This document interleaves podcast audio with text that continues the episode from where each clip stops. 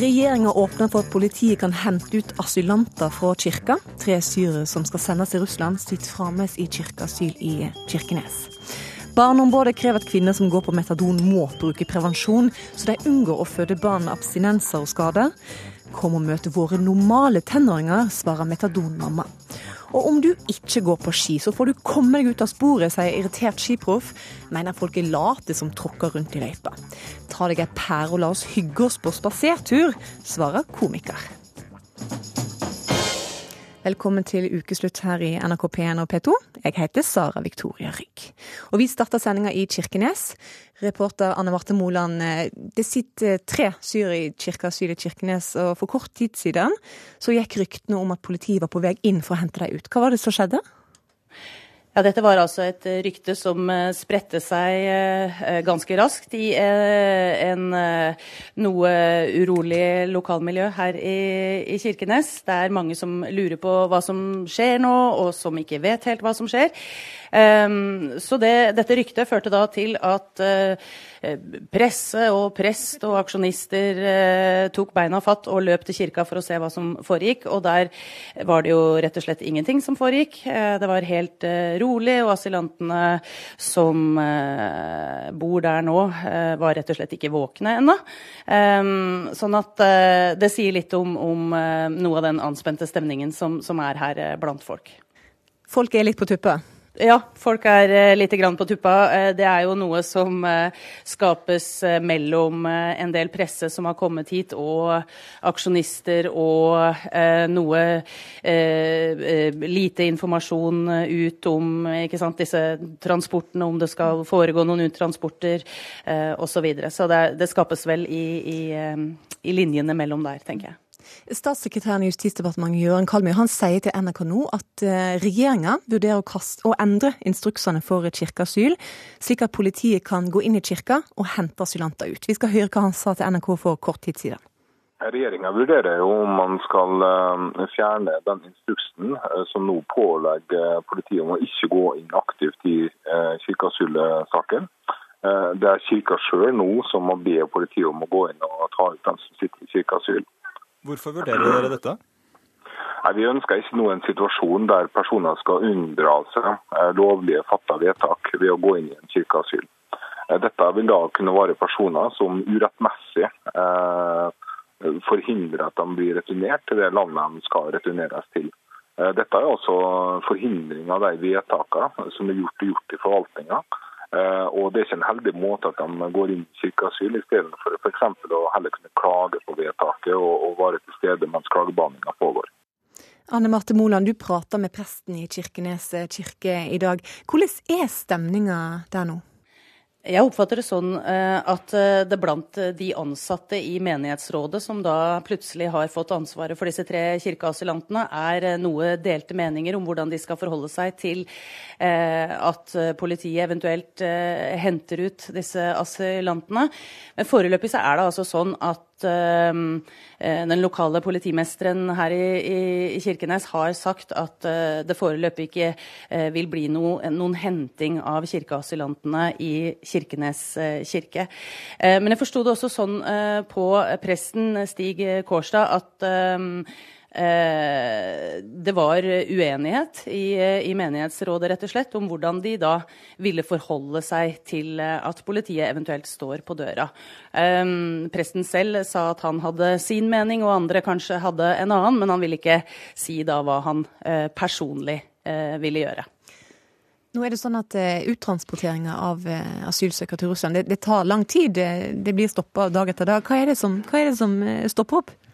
Ja, Det eh, er det mange som eh, lurer på. Eh, det var jo sånn i går at det ble sagt at det først var saksbehandlingstreghet på, på, russisk side, det var bemanningsproblemer, og så var det datatrøbbel. Jeg står nå inne i leiren på kontoret til Tor Espen Haga, som er leder i Politiets utlendingsenhet da i Kirkenes. Og eh, det er jo da eh, trolig ingen transport ut i dag. Eh, mange forskjellige forklaringer eh, underveis. Eh, hva er det egentlig som ligger bak at disse transportene da åpenbart har stoppa opp? For oss så er det at vi avventer et svar fra russiske myndigheter om de har fått eh, sitt utstyr i orden på grensestasjonen, slik at vi kan starte returen. Men er det det som er den uh, egentlige forklaringen, eller er det diskusjonen som foregår i, i kulissene nå om, uh, om, hvem som skal returneres, og hvem som ikke skal eventuelt returneres til Russland? Den informasjonen som PU sitter på og vi har fått, det er at de russiske myndigheter melder at de har problemer med sitt datautstyr på russisk side. Dette er jo ting som russiske myndigheter da, i etterkant av at du uttalte dette i går, eh, har sagt at ikke stemmer. Hvordan eh, forholder du det, deg eh, til det eh, i din jobb? Jeg må bare forholde meg til den informasjonen som jeg til enhver tid har. Russiske myndigheter må svare ut eh, for sitt system. Det er ikke noe PU kan ha noe mening om. Når ser du for deg at veldig kort til slutt, neste transport kan skje? Den skjer eh, så snart vi får et uh, svar fra russiske myndigheter. De er klare til at vi tar opp dette arbeidet igjen. Og det er også sånn nå at eh, PU her lokalt vurderer også å kunne sende disse asylsøkerne eh, tilbake til Russland eh, med fly, eh, dersom problemene faktisk ligger ved grensestasjonene. Takk til deg, Anne Marte Moland. Erna Solberg hun var invitert til å være med oss i Ukeslutt i dag, men det rakk hun ikke, for hun skulle fly eh, hjem igjen fra Davos. Så da får du nesten forklare dette her for oss, eh, Lars Nehru Sand, du er politisk kommentator i NRK. Hva er grunnen til at det tar så lang tid å sende asylsøkerne til eh, Russland? Det er jo det store spørsmålet som, eh, som, vi hører flere sliter med å svare på. Jeg skal ikke si at jeg vet noe mer som, som, ingen andre vet, men det er klart for å snu på dette, for å få til en, en eh, sømløs uttransportering, så er det et, en kombinasjon av logistikk, bemanning og som ved all internasjonal politikk, som dette jo til syvende og sist er, et tillit mellom landene som må være på topp for at dette skal gå bra. PU viser til eh, kapasitetsproblem på russisk side, de viser til datatrøbbel. I dag var det mangel på daglys som satte en stopper for uttransporteringen. Er dette her troverdig forklaring, eller er det storpolitikk som ligger i grunnen? Det kan være begge deler. Eh, det er selvfølgelig ingen grunn fra norsk side til å betvile det russerne sier. Det vil jo selvfølgelig kunne påvirke hva slags tillit russerne føler de kan ha til oss hvis vi gjør det. Eh, men på den andre side så er det jo sånn at det norske ordskiftet også har eh, båret preg av signaler om Russland som Russland har grunn til å, å betvile, eller i hvert fall grunn til å, å si at, at, de ikke liker at vi sier, når, når vi stiller spørsmålstegn ved hvor trygt det er for asylsøkerne å oppholde seg i, i Russland. Eh, fra regjeringens side så vet vi at de eh, føler seg trygge på at de som får et utvisningsvedtak, skal eh, vises ut, og at norske myndigheter dermed er ganske klare på hva vi gjør operativt fra, fra norsk side. Takk for at du var med oss i Ukeslutt, Lars Nehru Sand.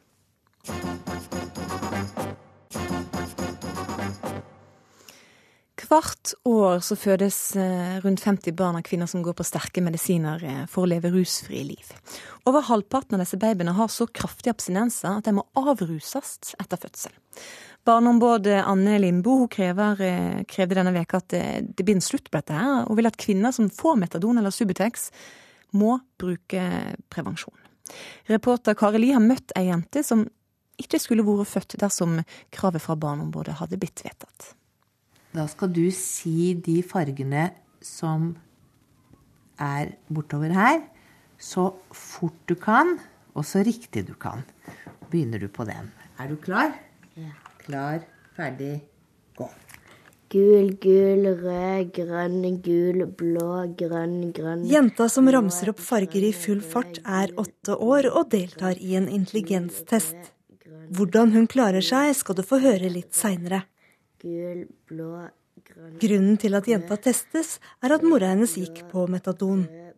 Man ønsker jo at barnet skal være friskt og slippe, slippe det. Så jeg husker når legen sa at eh, nei, vi setter i gang med medisinering. Og da gråt jeg. Jeg syntes jo det var helt forferdelig. Kort tid etter fødselen måtte Ida Kristine Olsen sjokkert innse at datteren hadde abstinens og måtte medisineres. Eh, og i dag så ser jeg jo på det som en forlengelse av at jeg faktisk gikk på medisiner i ni måneder, og at når hun da kom til verden, så trengte hun 14 dager til på på en måte tilvenne seg det livet utenfor og uten medikamenter. Og det er jo ikke sånn at de, som vi har sett i media litt nå, at de sutter på en heroinsprøyte. Altså, det er jo ikke sånn det foregår. Vi har sett dem på YouTube. Ildrøde, abstinente spedbarn fra USA som gråter og gråter uten at noen klarer å trøste. Spørsmålet er om barn født av mødre som er i såkalt legemiddelassistert rehabilitering i Norge, har det slik, og om de får varige men. Det er forskerne uenige om. Bør kvinner som får LAR-behandling, altså legemiddelassistert rehabilitering, tvinges til å bruke prevensjon? Det foreslår Barneombudet. Denne uka rykka barneombud Anne Lindboe ut med krav om prevensjon for narkomane kvinner som vil ha medisiner i statlig regi for å bli rusfrie. Under svangerskapet har de det ikke så bra. De blir født med lavere eh, fødselsvekt. Etterpå så gjennomgår veldig mange av dem eh, en lang periode med alvorlige abstinenser, skjelvinger, ristinger, som kan føre til gnagsår. Eh, og så har vi også en del studier som viser at det kan ha langtidseffekter, som påvirkning på hjernen både når det gjelder øyebevegelser, finmotorikk osv. Pga. disse ekstremt alvorlige konsekvensene for barna, så mener jeg at eh, legemiddelassistert behandling og svangerskap det passer ikke sammen. og Derfor må det være et kriterium om bruk av langtidsvirkende prevensjon mm. når man får denne behandlingen for å skåne barnet. Altså sånn eh, rent i bunn og grunn så er det helt uetisk å kreve prevensjon for å komme i posisjon til en livreddende behandling man har krav på. Ida Kristine Olsen har vært medikamentfri i seks år, og hjelper nå kvinnene Barneombudet snakker om. Hun burde jo heller um, sette seg inn i det møtet oss. Nå har vi jo barn som er tenåringer, som har vært uh, eksponert for LAR-medikamenter. og, og lever helt som alle andre barn. Og det er ingen, eh, ingen som ville kunne si at de har vært utsatt for noe i fosterlivet, hadde de møtt de i dag. Og jeg tror ikke de vil kjenne seg igjen i den fremstillingen som media og også Barneombudet nå eh, fyrer opp under. Eh, hadde vi hatt barn som hadde fått store skader og ikke kunnet utviklet seg, og, eh, så burde man sett på det. Men det er ikke tilfellet. Et måleapparat bryter stillheten som råder på nyfødtintensivavdelingen på Ullevål sykehus. I ei gjennomsiktig plastseng i det ene hjørnet ligger en liten baby som overvåkes av en sykepleier. Dette er barn som eh, fort blir veldig urolige. De har ikke en normal eh, døgnrytme. De spiser dårlig, de suger dårlig. Overlege Lisa Bjørke beskriver abstinenssymptomene som preger mellom 50 og 70% av barna som fødes av kvinner som tar metadon eller Subutex. Når pleierne ikke klarer å roe disse barna, må de dopes. Hos oss bruker vi morfin eh, i miksturform, og det får de da hver tredje time i løpet av hele døgnet. Du liker ikke debatten rundt dette. Hvorfor ikke det? Det er en del forventninger man har til eh, foreldre som går på cellegift f.eks., om at da er det en veldig dårlig idé å bli gravid. Eh, det samme gjelder med noen epilepsimedisiner. Og da er, det, da er, det, plutselig helt ukomplisert at man tenker at da skal man passe på at man ikke blir gravid. Mens i forhold til LAR-medisiner så blir dette en stor strid. Og da blir det snakk om menneskeverd, og det blir snakk om helt andre ting. Her ser vi en baby som puster veldig Altså knytter seg stiv i muskulaturen. Ida Kristine Olsen ser på en av videoene av amerikanske babyer med abstinens. Det er jo helt forferdelig å se på. Det er jo ikke sånn at jeg syns at det er noe hyggelig å se på. Eh, jeg har aldri sett mine barn sånn. Og har heller ikke de andre mammaene jeg følger opp og eh, besøker på nyfødt, Nyfødtposten. Uh, ligger heller ikke sånn. Men bak denne debatten så lurer jo spørsmålet er det en menneskerett for mm. kvinner på LAR å få barn? Jeg tenker at vi har ikke noe mindre rett til å få barn enn eh, andre kvinner i dette landet. Og hvis vi skal begynne å begrense noen kvinner i Norge sin rett til å få barn, da må vi jo se på mange andre grupper òg. Og jeg tenker at det er en eh, vei ikke jeg ønsker at vi skal gå. Nei, men jeg, har aldri sagt at disse kvinnene ikke burde få barn. Barneombud Anne Lindboe understreker at det er retningslinjene for LAR-behandling i Norge hun vil til livs. Det jeg har sagt er at her må helsevesenet eh, gå inn og vurdere de retningslinjene de har eh, i dag. Og at utgangspunktet bør være at LAR-behandling og graviditet ikke hører sammen. Men er du interessert i å møte barn som er eh, født med denne tilstanden? Jeg har både møtt kvinner, jeg har møtt fagpersoner som jobber med disse barna. Men min viktigste oppgave her som barneombud er jo å reise denne bekymringen overfor helsemyndighetene, som faktisk er de ansvarlige her. Sånn at vi beskytter det ufødte liv og disse babyene. Da sier jeg først tallene, og så skal du gjenta de. Psykolog Monica Sarfi er snart ferdig med å teste åtteåringen. Tre, seks, fire. Tre, seks, fire. Seks, en, to.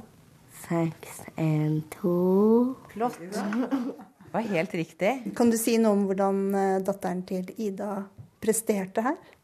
Helt midt på treet, vil jeg si. Helt innenfor det som er, vi kaller en normalvariasjon. Og det ser jeg ofte hos disse barna. Jeg har sett barn som sliter en del.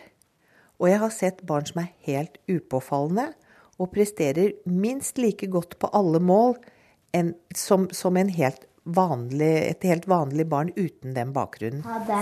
Ha det. Ha det. Ha det bra.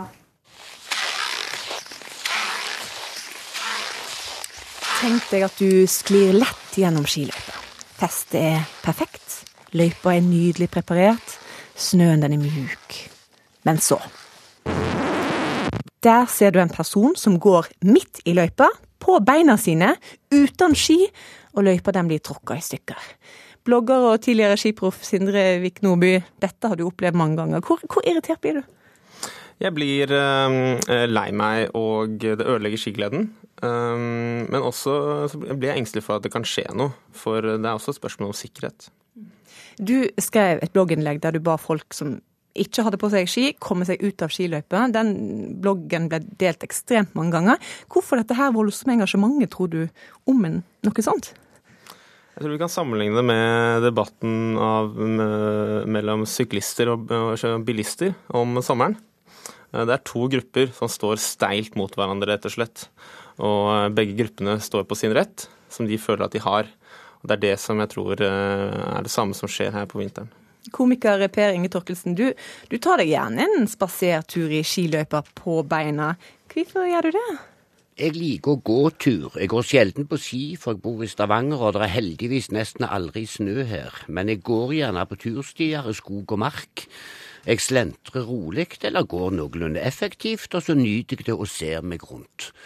Og det som ofte ødelegger turene for meg, det er da å bli overkjørte mesten eller nedløpte av eh, folk som jogger eller sykler. Bare det å se disse siklende hummertrynene i full fart gjør at jeg blir deppa. Jeg prøver av og til å stoppe dem og by dem 20 kroner eller en sigarett eller noe, og spørre om de ikke har noe hjem de kan gå til heller. Men, men, men det irriterer meg på turstier og ute i naturen. Folk som tar idretten sin så seriøst, og som ser ut som firmenningen til Fantom eller Dopermann. Uh, og jeg, jeg syns det er trist å bli utsatt for passiv sykling og passiv jogging. Ja, Sindre, hvorfor skal du forstyrre Per Inge som er ute og koser seg med naturen? Der du kommer på ski i full fart? Ja, nå, nå, nå var det hans, Det som var hans problem, var vel eh, løpende og syklister. Men øh, det handler om å vise hensyn, faktisk. Og det er lovfestet. Og det er det mange ikke kanskje tror, men i øh, friluftsloven, hvor da allemannsretten står. Så paragraf to er jo da at uh, i utmark kan enhver ferdes til fots hele året. Og så setter man gjerne punktum der. Men det kommer nemlig et komma istedenfor, og da står det istedenfor 'når det skjer hensynsfullt og med tilbørlig varsomhet'. Og Da tenker man kanskje fort at hensynsfullt, ja, det, det er ikke så alvorlig. Men akkurat samme ordlyd finner man i veitrafikkloven, hvor da det står 'enhver skal ferdes hensynsfullt'. Og det er den paragrafen i veitrafikkloven som faktisk blir brukt oftest og faktisk hvor folk er blitt dømt til mord, for å ta, sette det veldig på spissen, da, så klart. Men det å vise hensyn er faktisk eh, lovfestet i friluftsloven, og da er det å vise hensyn til bruker, og i dette tilfellet så er det skiløpere.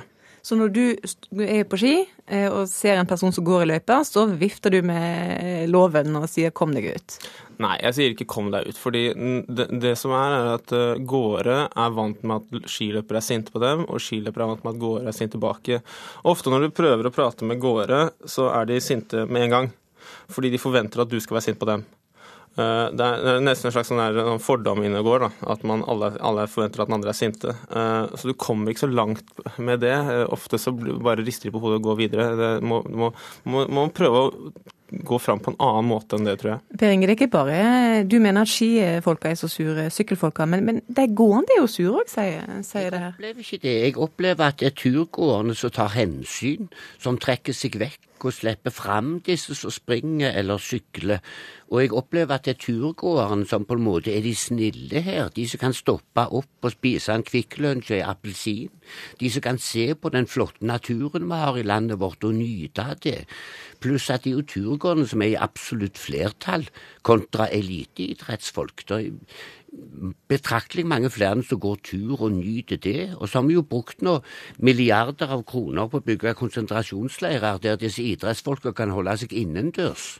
Og ennå så spretter de rundt og ødelegger turen min. Jeg syns nesten det er egoistisk. Men er ikke det nok natur til at alle sammen kan ferdes sammen og være lykkelige og spise Kvikk Lunsj og se på fugler? Det, det høres ut for meg som at jeg og Per Inge vi er eh, er, har erfaringer på litt forskjellige områder. For han, på, hvor han kommer fra, så er det eh, hovedsakelig idrettsfantomer som går rundt og forstyrrer de andre. Mens, meg, eh, mens hvor jeg kommer fra, i Oslo, så er det da eh, hovedsakelig flertall av skiløpere. Slik at eh, Jeg kan jo tenke meg da de fantomene nede i Rogaland eller Stavanger, de er et, er et mindretall og derfor trenger seg fram mens det er litt annerledes her. Så jeg tror egentlig vi er ganske enige om at eh, for alle ønsker å nyte naturen. Når jeg går på ski, så går jeg på ski de fineste dagene, for da er det finest å gå, og da kan du se lengst. Så jeg tror alle er enige om at vi ønsker å, å, å nyte naturen. Det er vi alle enige om. Men uh, det, det, mitt poeng er, handler egentlig bare om at vi må vise hensyn til hverandre. Og det er sikkert på de fineste dagene Per Inge har lyst til å gå på tur òg, i sporet. Men Per Inge, kunne kan du bare gått litt ut, litt lenger opp i skogen, og så ikke irritere deg som driver trener til Birken? Jo, kanskje, men jeg går tur rundt Mosvatnet i Stavanger, så er et deilig lite vann, og rundt Stokkavatnet, og der er det tursti. Og jeg må jo da hoppe til sides en haug med ganger når det kommer da rasende syklister eller disse hummertrynene som jogger hele tida. Så, så, jeg prøver jo å ta hensyn så godt jeg kan, jeg. Men, men det er altså det, det, er turstier, dette. Det er ikke autostrader for syklister eller joggere. Her skal vi kose oss, de dingle rundt og se på fuglelivet og trærne. Jeg er helt enig med at vi skal kose oss. Det er det viktigste alt. Å få, å, å få nyte naturen.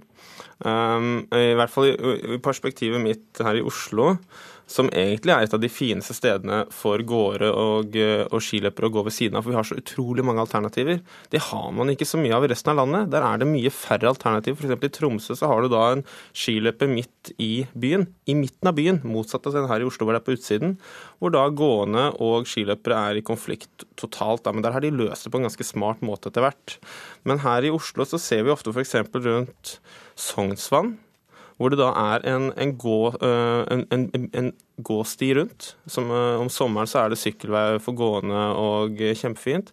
Eh, og rett utenfor den løypa så er det da eh, skiløyper. Likevel så går folk i skiløypa når det da 100 meter nedenfor er gåsti. Men Sindre, hva vil du si til folk for å Nå, nå prøver vi å skape litt harmoni her, så mm. alle kan nyte naturen. Hva, hva vil du si veldig kort til folk som går i løypa? Eh, jeg vil de skal tenke på at det faktisk er litt sikkerhet inne i bildet her også, og at de kan eh, de, Det er ofte alternativer rett ved siden av som de bør heller bruke. Og Per Inge, hva vil du si til eh, hummertrynet som forsvinner raskt forbi deg på, på ski? Ja, jeg syns at oss turgåere må få slippe å belemres med å utsettes for folk som tar idretten sin så seriøst som dette. Takk til deg, Per Inge Torkelsen, og takk til deg, Sindre Vignoby. Takk. Du hører på Ukeslutt her i NRK P1 og P2. Hold fram med det å finne ut om Snåsamannen er magisk eller bare en helt vanlig mann. Joralf er ikke hokus pokus, han er bare et godt medmenneske som ser andre, sier Jørgen Skavlan, som er blitt litt mindre skeptisk etter å ha sett filmen. Og ta på prinsessekjolen og bli med på ball i Bærum. Så det er første ballet vårt, så det blir sikkert spennende og kjempegøy. Eh, sommerfugler i magen. Prinsesse for en natt, da. Og nå over til ukas kanskje mest omtalte mann. Jeg tror veldig sterkt på kristendommen. Og jeg tror at den greier å forene meg med det gode. Lettere? Ja. Det var godt. Ja. Hvordan gjorde du det? Så vil jeg spørre dem som ikke tror. Hva er det for noen ting, det? Filmen om Jorolf Gjerstad, eller Snåsamannen som de fleste kjenner han som, hadde premiere i går. Og nok en gang har folk diskutert evnene hans. Noen tviler, andre jubler. Fastlege Jørgen Skavlan, du har sett filmen og har tidligere vært ganske så skeptisk til Snåsamannen. Er det noe magisk med Joralf Gjerstad? Nei, jeg syns jo ikke det. Jeg så filmen, og jeg syns filmen var nydelig. Jeg var ordentlig betatt av filmen. Og særlig fordi jeg selv har eh, Jeg er jo fra Snåsa selv. Eh, gården Skavlan ligger på Snåsa, så jeg har en slags sånn rar kobling opp til Jeg er også mannen fra Snåsa. Så sa jeg til noen andre at egentlig så tror jeg norsk allmennmedisin har gått glipp av et veldig flott medmenneske i Joralf Gjerstad. Uh, hvis man hadde utrolig god tid, en veldig liten liste i norsk fastlegepraksis, og kunne få bruke mye tid på pasientene sine, så er jeg sikker på at vi alle sammen kunne hatt mye å lære av han. Eh, det har alltid vært eh, Ja, jeg har jo på mange måter vært Jeg er jo såkalt skeptiker, da. Det ser jeg på som et hedersbegrep. Men, men jeg har jo alltid liksom vært litt tvilsom til den alternative bransje som helhet. Men det er viktig for meg å lage en liten distinksjon i det. Og det jeg bruker mye tid på, og har brukt mye tid på, det er jo den kommersielle delen av dette. Mm. Det er helsekost, det er Vita Pro, det er kurs om sjel på danskebåten. Det er alle disse utskuddene vil jeg si, av den alternative bransje som, som også går inn på sjel og sjelsliv. Men, men Snåsamann han er ikke verken helsekost eller Nei, magisk, men han, han er et medmenneske, mener du? Og så er han, så er han et, jeg ser uttrykket har blitt brukt mange ganger om han. Han er uselvisk. Og i det så ligger det faktisk dette med at han bl.a. ikke tar betalt. Og da blir det jo litt mer spiselig og interessant. Mm. Eli Rygg, du har kjent Joralf Gjerstad i mange år, og du er ambassadør i Hjelpefondet hans. Er en Snåsamann magisk, får jeg spørre deg om òg? Nei, jeg syns ikke jeg er så enig med Skavlan at uh, Joralf er en genuint uh, med menneskelig mann med, med mye medfølelse. Og, men jeg har jo eh, jeg har jo litt sansen for at han, han bruker noen, noen, sansninger og noen følelser som kanskje som jeg kaller litt magisk, men jeg tror faktisk ikke det er noe hokus pokus. F.eks. at han er litt klarsynt og sånne ting. Og det er det jo veldig mange som kjenner seg flust rik på. ikke sant? Men Eh, hvis vi reiser mange, mange år tilbake, så, så var jo jegerne òg De oppdaga dyret litt lenger unna, og de sensa litt mer. Så kanskje Joralf har noen ting som ikke jeg syns er så hokus pokus, men som kanskje andre syns er fryktelig rart. da. Mm. Elirik sier at han er synsk. Hva, hva, hva tenker du om det? Ja, dette er jo det med synskhet og klarsynthet er jo så enkelt, for det er jo ingen som har noe fasit på det. Jeg har jo ikke noe apparat eller noe blodprøve som kan analysere det. Men jeg tror nå ikke han er det, for jeg, jeg, tror nå ikke på det. Jeg tror i og for seg det er nok spennende om ikke vi skal gå inn i liksom den type diskusjon. Men, men eh, det er klart, han, han, driver jo med det som vi ofte kaller cold reading. Da. Det ser du jo også i intervjuet. Hvordan han stiller spørsmål. Jeg tror kanskje ikke han gjør det kynisk, som en del andre gjør. Men det er jo klart at det er ikke noe, er ikke noe vanskelig å lage en dialog som for noen kan virke frapperende. Altså, han hadde, skjønte jo at jeg hadde vondt eh, ved å spørre at jeg Du spør ikke har du vondt, men du sier jeg ser du har vondt. Og hvem er det som ikke har det? Hvis man har reist også kanskje fra Sarpsborg til Snåsa for å møte Joralf Gjerstad. Så det er nok mange fasetter i dette. Og så er det én ting jeg har lyst til å nevne, og det er dette med de varme hendene. Han bemerker jo så mange ganger selv at han har jo ikke det, bare kjenn hendene mine er kalde, men du kjenner det som varmt. Eh, nå har jo Joralf Gjerstad holdt på uh, med sitt virke i veldig, veldig mange år. Det er vel få som er blitt så branded som Joralf Gjerstad. Og det er klart, hvis du har en plage, og du reiser land og strand rundt og kommer opp til han, og har hørt i tiår om hans varme hender, så har han varme hender. Det er det ingen tvil om. Det ville jeg også hatt hvis jeg i 30 år hadde brandet meg selv med Jørgen med de varme hendene. Mm. Men Elin Rygge, er det bare det at folk bare så gjerne vil eh, få hjelp, f.eks.? Nei, men vet du hva, at jeg, Når jeg jobba med unger i 42 år, og enkelte av de barna som jeg har møtt gjennom barnevernet f.eks., som der ikke politiet eller skolen noen trodde på dem, og så er det det magiske, ikke bare det med varme hender. Det er godt å bli massert på, holdt på kalde foter og mye magi i det, vet du. Tid, omsorg, og som du eh, sa, Skavlan, så er det det at, at han, han, møter deg. Han møter folk, han Joralf.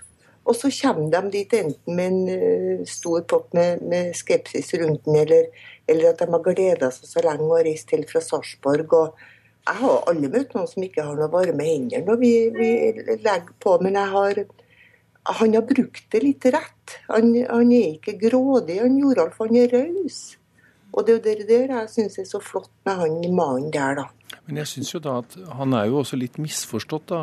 Eller fordi vi andre som sitter og betrakter dette litt mer fra utsiden, vi liksom tenker jo på dette med helbredelse. ikke sant? Det er en blind mann kan se, en kreftsyk mann blir kvitt sin svulst, en MS-pasient reiser seg fra rullestolen. Disse typene ting, og de, de, ser vi jo ikke i det hele tatt. Vi hører ikke engang om dem. I hvert fall ikke i filmen, og ikke de historiene jeg har lært meg om han etter hvert.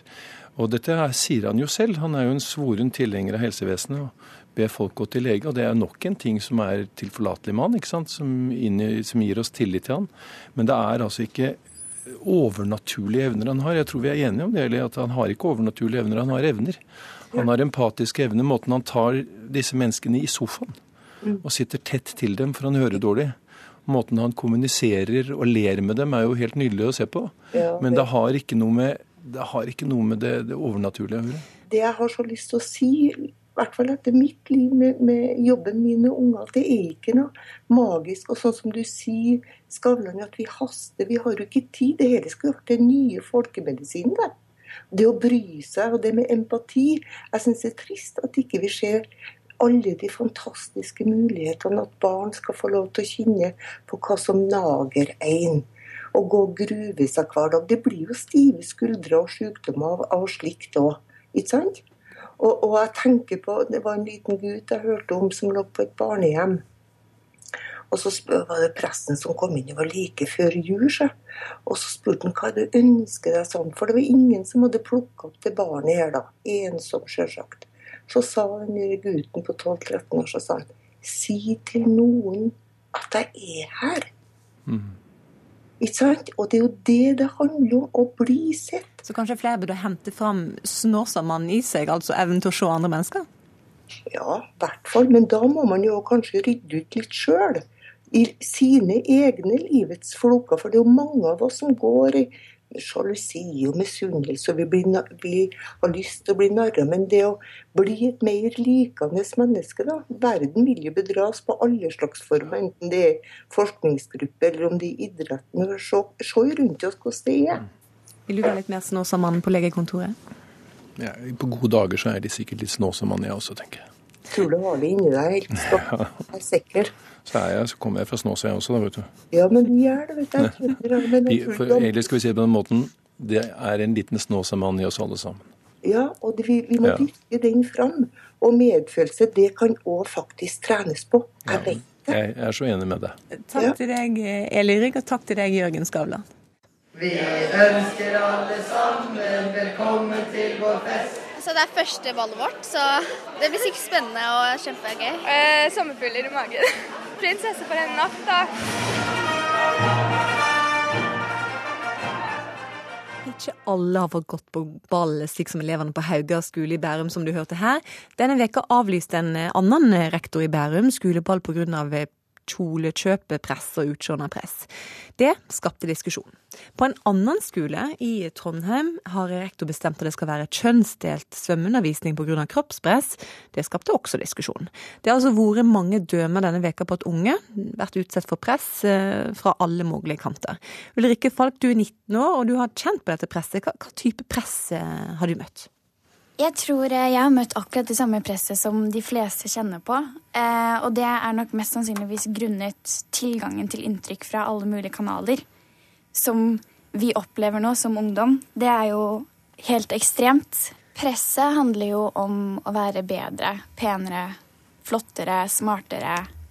Alt sammen skal tas til det beste nivået. Hvordan har det presset påvirka deg? Jeg øh, tror jeg til slutt bare måtte gi opp for det presset og bare lot kroppen min falle sammen fordi jeg ikke tålte mer. Så jeg, opp, jeg ga jo opp min egen kropp for å slippe å forholde meg til dette presset, da. Jeg ble veldig syk. Eh, eh, fikk alvorlige spiseforstyrrelser og ble innlagt til slutt på psykiatrisk avdeling. Eh, og alt dette handlet jo om å fraskrive seg ansvaret for meg selv, for det orket jeg ikke lenger. Bendik Halsensen, du er, du er 19 år, og du, du òg er opptatt av hva press gjør med unge. Men du, du, sier vi må ikke glemme at det er et ekstremt press på unge gutter òg. Vi hører jo veldig mye om press mot unge jenter. Hva, er det tøft å være ung mann i dagens samfunn? Ja, det vil jeg tro. Jeg vil ikke tro at det er noe lettere enn det er å skulle være jente. Eneste problemet med det å være gutt er at i dag så er det tilknyttet et mye større tabu eh, blant det å skulle ha det vondt hvis du er, hvis du er gutt, fremfor det hvis du er jente.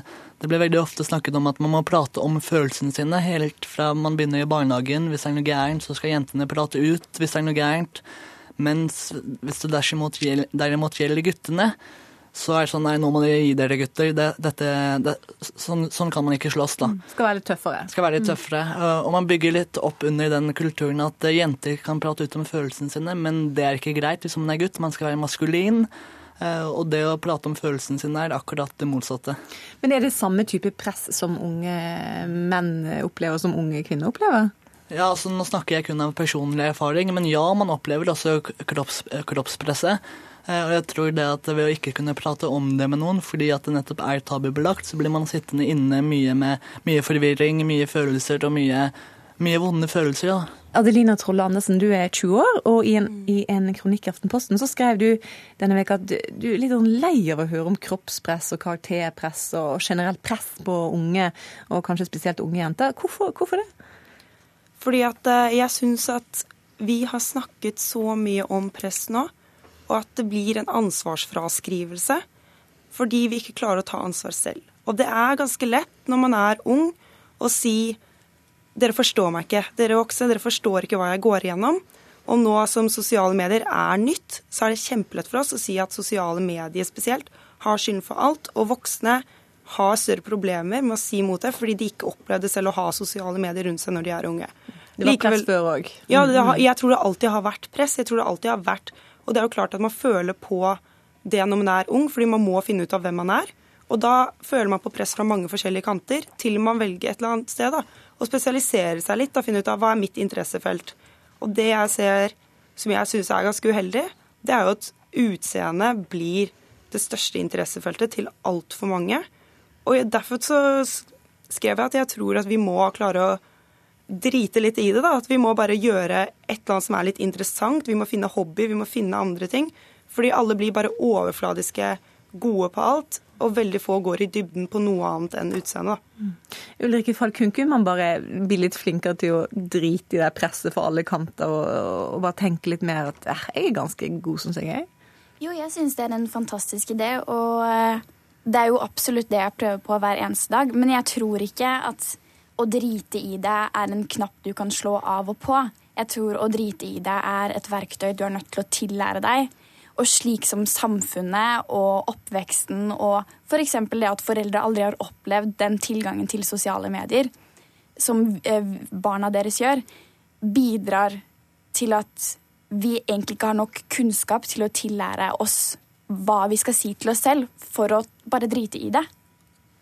Ja, men akkurat der så tenker jeg at det må man forstå selv ganske tidlig. Man må selv klare å forstå at hvis man følger jenter på Instagram som man syns påvirker sitt eget selvbilde, så må man på en måte klare å si til seg selv dette er ikke lurt, jeg må klare å se av. Men det er jo ikke snakk om jenter i 16-17-årsalderen som begynner å, å, søke etter en idé om hvordan man egentlig skal se ut. Det er snakk om tiåringer eller åtteåringer eller til og med Valdres-saken hvor det var en 13-åring som døde av spiseforstyrrelser.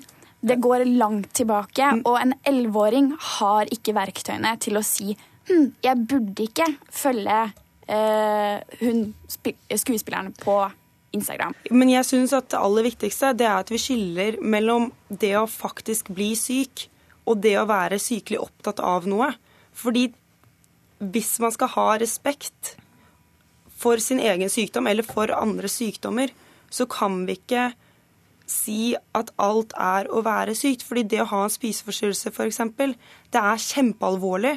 Og vi må ikke nedgradere eller degradere den alvorligheten ved å si at alle jenter, unge jenter føler på et sånt press. Jeg er helt enig, men saken er ikke at det er disse syke jentene, eller jentene som er sykelig opptatt, som skal bli tatt tak i og som skal bli gitt et verktøy.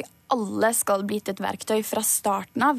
Jeg er enig med det Ulrikke sier. Jeg tror det er viktig å begynne allerede i barnehagen, eller kanskje til og med på barneskolen, og fortelle litt om at, uh, fortelle hvordan det er, hvilket kroppspress de vil møte. For at veldig mange vil møte slik hverdagen er i dag.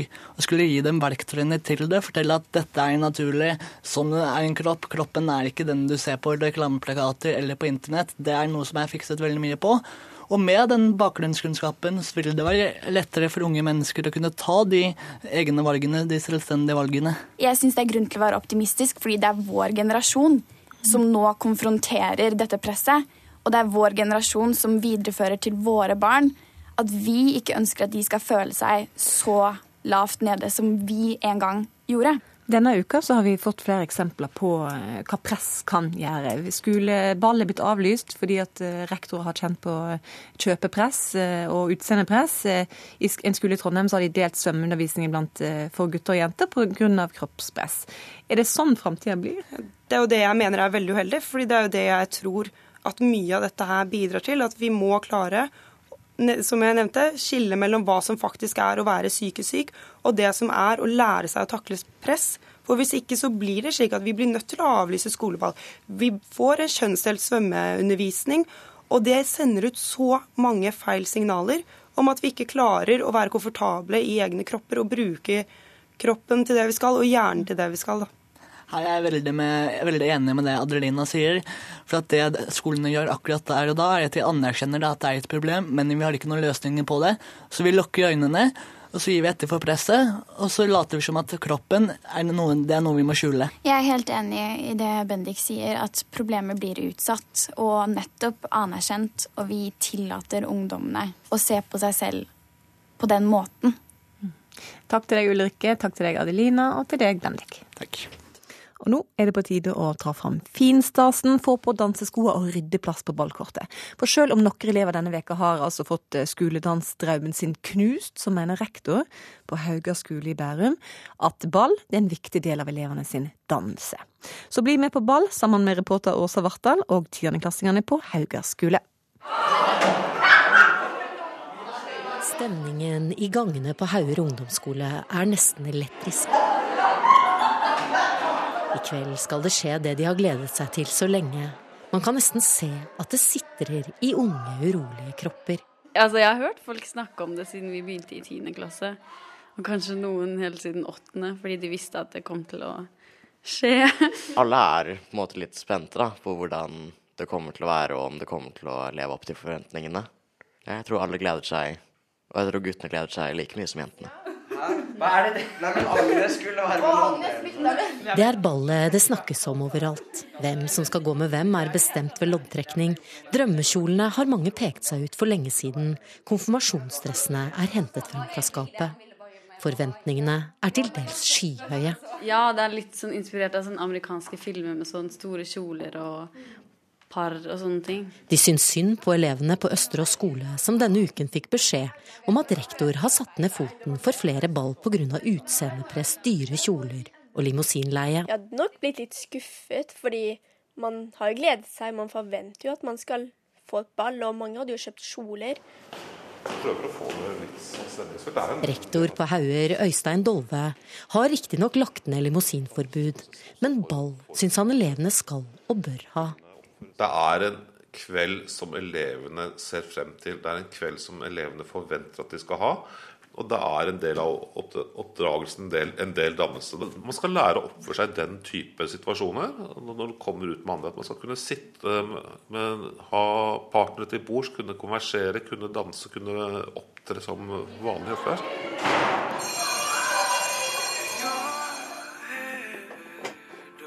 Skal være sånn eyeliner sånn tusjting. Ja, det var jeg. Ja. Foran speilet på et jenterom på Kolsov sitter tre forventningsfulle 15-åringer og gjør seg klare til sitt første ball. Så du vil ha den mørke fargen? Ja. På sengen ligger lange kjoler med bånd og paljetter. Kjolen er viktig, og jentene på skolen har en egen Facebook-side der de legger ut bilder av kjolene sine, så ingen skal ha like. Men Nora, Tuva og Johanne kjenner seg ikke helt igjen i presset som elever på andre skoler har opplevd. Det er jo noen som er mer engasjert enn andre, men jeg tror de fleste syns det kommer til å bli gøy. Fakler i snø så kald at den knaker langs veien opp til festlokalet i Lommedalen. Her er ikke en limousin i sikte, men en kø av spente ungdommer som kjøres av kanskje like spente foreldre. Ha det bra. Takk for oss. Inne under rosemalte bjelker på tradisjonsrike Solhaug bruser de taft og silke i alle regnbuens farger. Nervøsitet skjules bak latter og fikling med nyfrisert hår. Eh, sommerfugler i magen.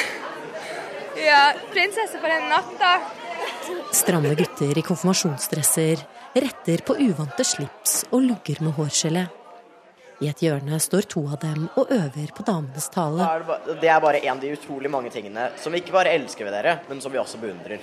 Så nå ønsker vi å Smil! Oi, en gang til. En, to, tre.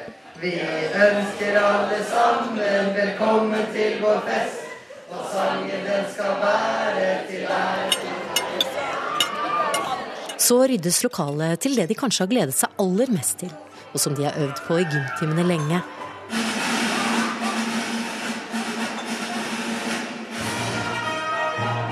Høytidelig snirkler de seg fram og tilbake gjennom lokalet i en polonese, før de ender i vals.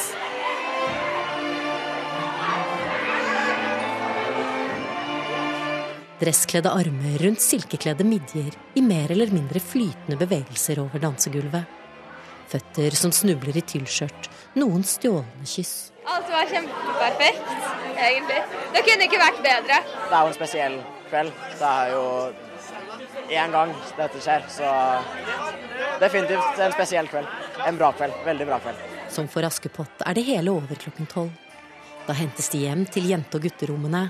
En kveld de har gledet seg til lenge, er snart over. En smak på voksenlivet. En øvelse i manerer og standarddans. Kanskje er det greit å få være barn noen år til. Da er statsmeteorolog Siri Wiberg Hoien kommet inn i ukesluttstudio. Mildvær skaper litt trøbbel eh, i dag, Siri? Ja, det gjør det. Det kommer gjerne regn som fryser på bakken nå som vi har hatt det så kaldt. Og det gjelder egentlig Sør-Norge i dag, hvor det blåser fra sør-øst, eller mellom sørøst og sørvest, og det er stort sett liten til stiv kuling i vest og i nord. Og det er da litt regn eller sludd eller snø som kommer i dag, og det kan være regn som fryser på bakken. Men nå på dagen i dag blir det lite nedbør østafjells. Det kommer litt til natten. Igjen så kan det være regn som fryser på bakken og blir veldig glatt. I morgen så blir det overgang til enkelte byger på Vestlandet og i Trøndelag, mens det fortsetter med lite nedbør østafjells. Kan hende litt sol og lokal tåke. Og i Nord-Norge så kommer nedbøren til Nordland i løpet av dagen i dag. Der er det også fare for regn som fryser på bakken. Og så beveger nedbøren seg inn i Troms og Finnmark i morgen, da stort sett som sludd og snø. Og så vil det blåse fra sør og sørøst med frisk bris til liten kuling i Nord-Norge. Spitsbergen får lite vind i dag, stort sett opphold. I morgen øker vinden på til sørlig liten kuling, senere stiv kuling, og her kommer det litt sludd eller snø. Ukeslutt er over for i dag. Torkil Thorsvik, Eli Kyrkjebø og Sara Victoria Rygg takker for seg.